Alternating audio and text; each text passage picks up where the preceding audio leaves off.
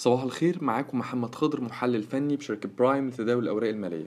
هنبدأ الاجتماع الصباحي اليوم الثلاث الموافق 24 5 2022 واللي هنتكلم فيه عن ثلاث نقاط. أولا هنحلل مؤشر EGX 30 ثانيا هنوضح بشكل مختصر رؤيتنا لمؤشر السوق الأمريكي US 30 بالإضافة إلى شهادات الإيداع الدولية للبنك التجاري الدولي. ثالثا هنوضح مستويات دعم مهمة لثلاث أسهم وهم هيرمس MM Group و GB Auto. والمستويات اللي هنقولها لازم نركز عليها كويس لأنها مستويات هتحدد اتجاه الثلاث أسهم خلال الفترة اللي جاية.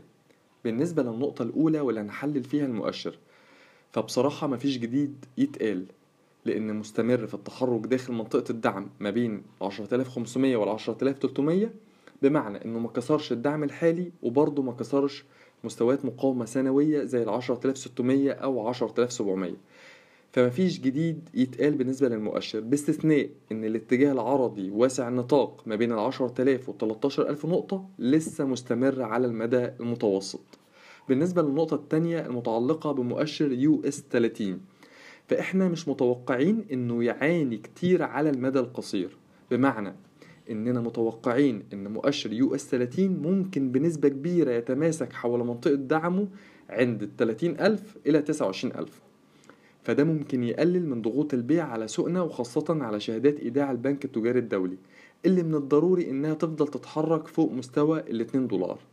بالنسبة للجزء الثالث والأخير من اجتماعنا الصباحي يهمنا التركيز على مستوى الدعم 14 جنيه ونص في سهم المجموعة المالية هيرمس لأنه لو اتكسر في الاتجاه الهابط للسهم هيتأكد ويدفع السهم المستويات دعمه التالية عند 13 ثم ال 12 ومهم برضو إننا نركز على مستوى الدعم 3 جنيه 15 في سهم MM Group واللي بنفكركم إننا فاتحين مركز شراء فيه بمتوسط سعر 3.32 ولازم نراقب كويس مستوى دعمها عند 3.15 اللي هو مستوى وقف الخسارة.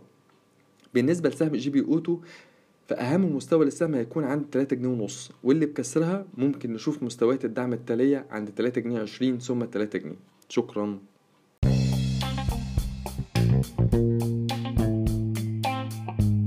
يرجى العلم أن هذا العرض هو لأغراض معرفية فقط ولا يمكن اعتباره عرض أو توصية شراء أو بيع أو إدارة استثمارات أو خدمات استشارية. ينصح باستشارة مستشارك المالي قبل اتخاذ أي قرار استثماري.